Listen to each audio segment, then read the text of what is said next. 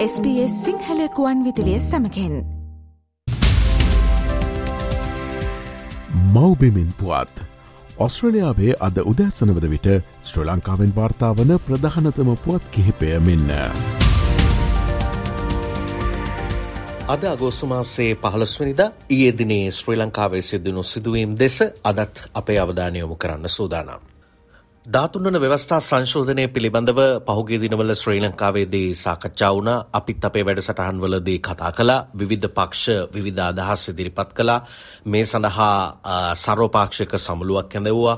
ආණ්ඩුව පැත්තෙන් ප්‍රතිචාරය කෙබඳුද කියලා යම් ආකාරයේ විමසීම් සිද්ධ කළා. සමහරු කැමති සමහරු අකමැති. හැබැයි මේ සම්බන්ධයෙන් ඊයේ දවසේ ශ්‍රී ලංකා පොදුජන පෙරමුණේ මහලේකම් සාගර කාර්යවසම් මන්ත්‍රීවරයා අදහස් දැක්වීමක් කරා. ඒ අනුව ඔහු කිව්වේ රට බෙදන කිසිදු සැලසුමකට සහාය ලබා නොදෙන්න ශ්‍රී ලංකා පොදුජන පෙරමුණ කටයුතු කරනවා කියලා රට අර්බුදයක තියෙන අවස්ථාවක 13 වෙනි සංශෝධනයේ ක්‍රියාත්මක කිරීම සුදුසු සුදුසු ක්‍රියාවක් නෙවෙයි කියලයි ශ්‍රී ලංකා පොදු ජන පෙරමුණේ මහලේකම් සාගර කාර්යව සම්මන්ත්‍රීවරයා සඳහන් කළේ. රට තාම බංකොලොත් භාවයෙන් මිදිලා නැහැ. ඉතින් මේ වගේ තත්ත්වයක් යටතේ මෙවැනි අවස්ථාවකදී මේ 13 වෙනි සංශෝධනය ක්‍රියාත්මක කිරීම ඊතරම් ප්‍රඥාගෝචර දෙයක් හැටියට අපි දකින්නේ නැහැ. රටක් වැටිලා තියෙන වෙලාවක ඒ රට අස්ථාවර කරන්න මාන බලන විදේශ බලවේග විවිධ රාජ්‍යනවන සංවිධාන උත්සාහ දරන්න පුළුවන් විවිධ කරුණු කාරණා සිදු කරමින්. ඒක නිසා අපි ජනාධිපති ජනාධිපතිතුමාගෙන් ඉල්ලා සිටිනවා මේ අවස්ථාවේදී මේ බලය බෙදීමේ යෝජනාවලිය කියන කාරණය මේ අවස්ථාවේ අවශ්‍ය දෙයක් නෙමෙයි මේ අවස්ථාවේදී ප්‍රධාන ප්‍රශ්නය තමයි මේ රටේ ආර්ථිකය නැංවීමේ කටයුත්තට ඍජුව මැදිහත් වෙලා අනිත් කරුණු අමතක කරලා ඒ කාරණය කරන්න රටේ ජනතාව බලාපොරොත්තු වෙන්නේ ඔබතුමාගේ මේ අවස්ථාවේ එක දෙයයි ඒ මේ රටේ ආර්ථිකය ස්ථාවර කළා මේ රටේ ප්‍රජාතන්ත්‍රවාදය ශක්තිමත් කරයි කියන කාරණය විතරයි ශ්‍රී ලංකා පොදු ජන පෙරමුණ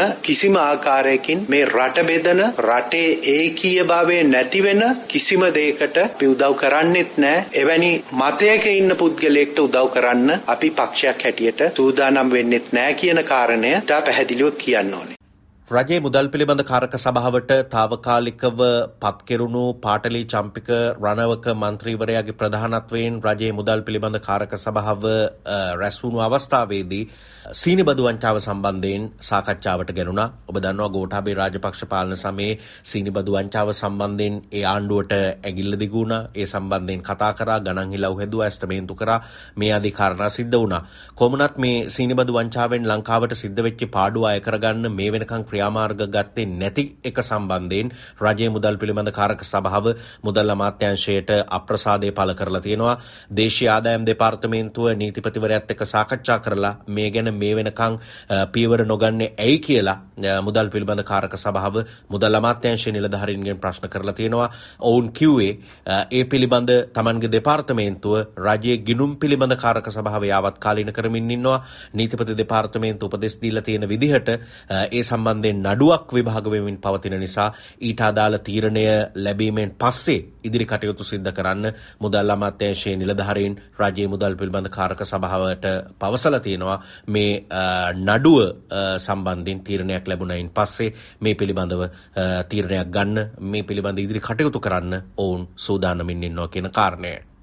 මේ දිනවල ශ්‍රී ලංකාවේ ඇතැම් ප්‍රදේශවලට පවතින වැසි රහිත කාලගුණය නිසා පවතින නියගය එමන් නැත්තම් වගාහානිය වගා සඳහා අවශ්‍ය ජලය නොලැබීම මේ ආදී කාරණා පිළිබඳව වැඩි වශයෙන් සාකච්ඡා වෙනවා.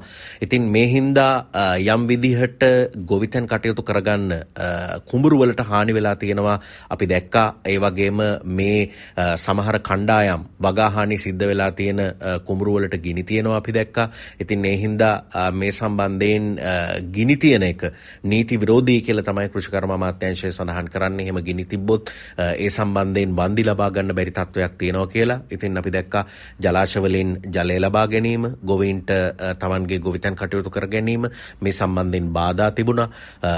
යම් විදිහට නිලධාරීන්, සිවිල් සංවිධාන, අමාත්‍යවරුන් මේ පිළිබඳව පාර්ලිමේන්තු මන්ත්‍රීවරුන් මැදිහත් වෙලා වැඩ කරා. කොමුණත් අපිට මුහුණ දෙන්න වෙලා තියෙන්නේ ස්වභාවික උවදුරකට නියං සහිත තත්වයක්.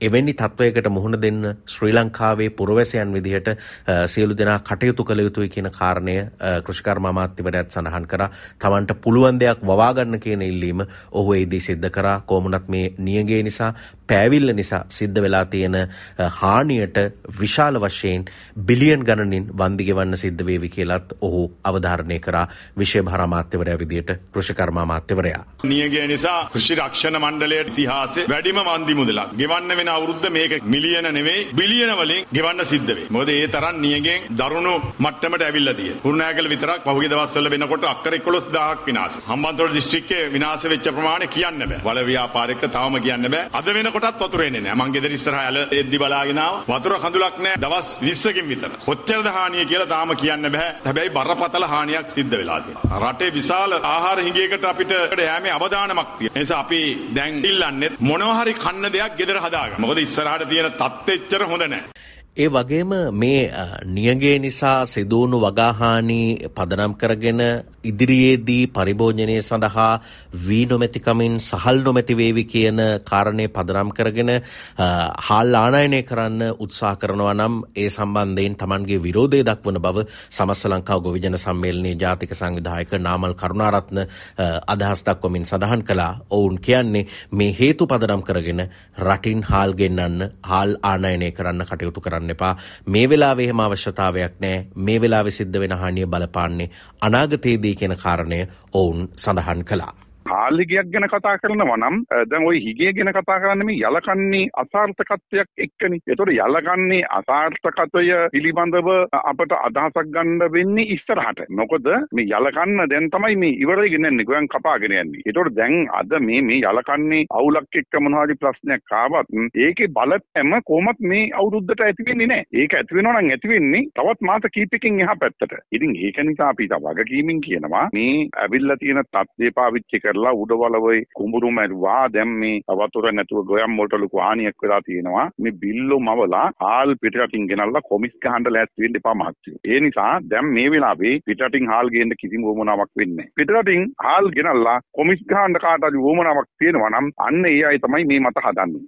ශ්‍රී ලංකාවේ සංචාරක ක්ෂේත්‍රයේ යම් පිබිදීමක් තිබෙන බව විශේභාර අමාත්‍ය හරින් ප්‍රනාන්දු මැතිතුමා අදහස් දක්වමින් සඳහන් කරා. ඔහු කිව්වේ මේ වසරේ පළවෙනි මාස 8 තුල ලංකාවට ආපු විදේශ සංචාරකයන් ප්‍රමාණය ලක්ෂ 8 ඉක්මවලා තියෙනවා.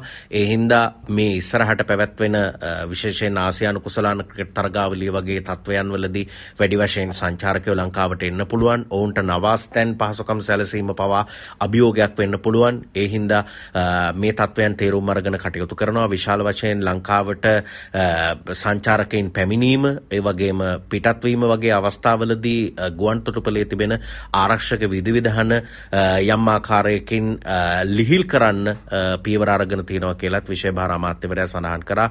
කොමුණස් සංචාරක ක්ෂේත්‍රයේ ඇතිවන පිබිදීම ඉතාමත් සාධනීය තත්ත්වයක් බවයි ඔවුන් සඳහන් කළේ. නමුත් සමහර වෙලාවට ඇතැම් රටවල් පනවන සංචාරක සීමාවන් නිසා නිසා මේ තත්ත්වය එකැන මේ දියුණු වෙමින් වර්ධනය වෙමින් තිබෙන තත්ත්වයට යම්මාකාරයකින් බලපෑම් එල්ල කරනවා කියලත් ඔහු මේ පිළිබඳව අදහස් දක්වමින් සඳහන් කළා. හරි පුදුම ඒ සමහර දාලා තියෙන ට්‍රැවල් වෝනින් යනවා. ලෝකේ ඉන්න ප්‍රසිද්ධම මට නම කියන්න බෑ. ඉන්න ඇමරිකාවේ ඉන්න ප්‍රධානම පස් දෙනාගෙන් දෙන්නේ ලංකාවට එන්න සූදානම් මාර්තු මාසේ. ඒකට සල්ලි ගෙවන්නත් මේ රටේ ආයතනයක් සූදානම්. හැබැයි මේ මිනිස්සුන් දෙන්නට එන්න බෑ. අර ට්‍රැවල් වෝනින් එක තියෙනකොට ඒගොල්ලන්ගේ ට්‍රැවල් ඉන්ෂුරන්ස් එක 30 ගුණයකින් වැඩි කරනවා. ඒ වගේ මහා ගොබ්බ වැඩ මේ කරන මගුල් වලින් එන්නේ අපිට. මම ශ්‍රී ලංකාවේ සිට මනෝජ් උදටියාවල. මෞබිමෙන් පුවත් ශ්‍රී ලංකාවෙන් වාර්තාාවන ප්‍රධානතම පුවත් කිහිපය SBS Sinhala සේවෙන්.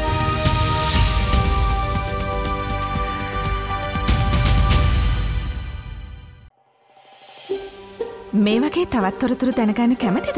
එහමනම් Apple podcast Google podcast Spotify ඔබගේ පොඩ්කාස්ට ලබාගන්න ඕනෑම මාතයකින් අපට සවන්දය හැකේ.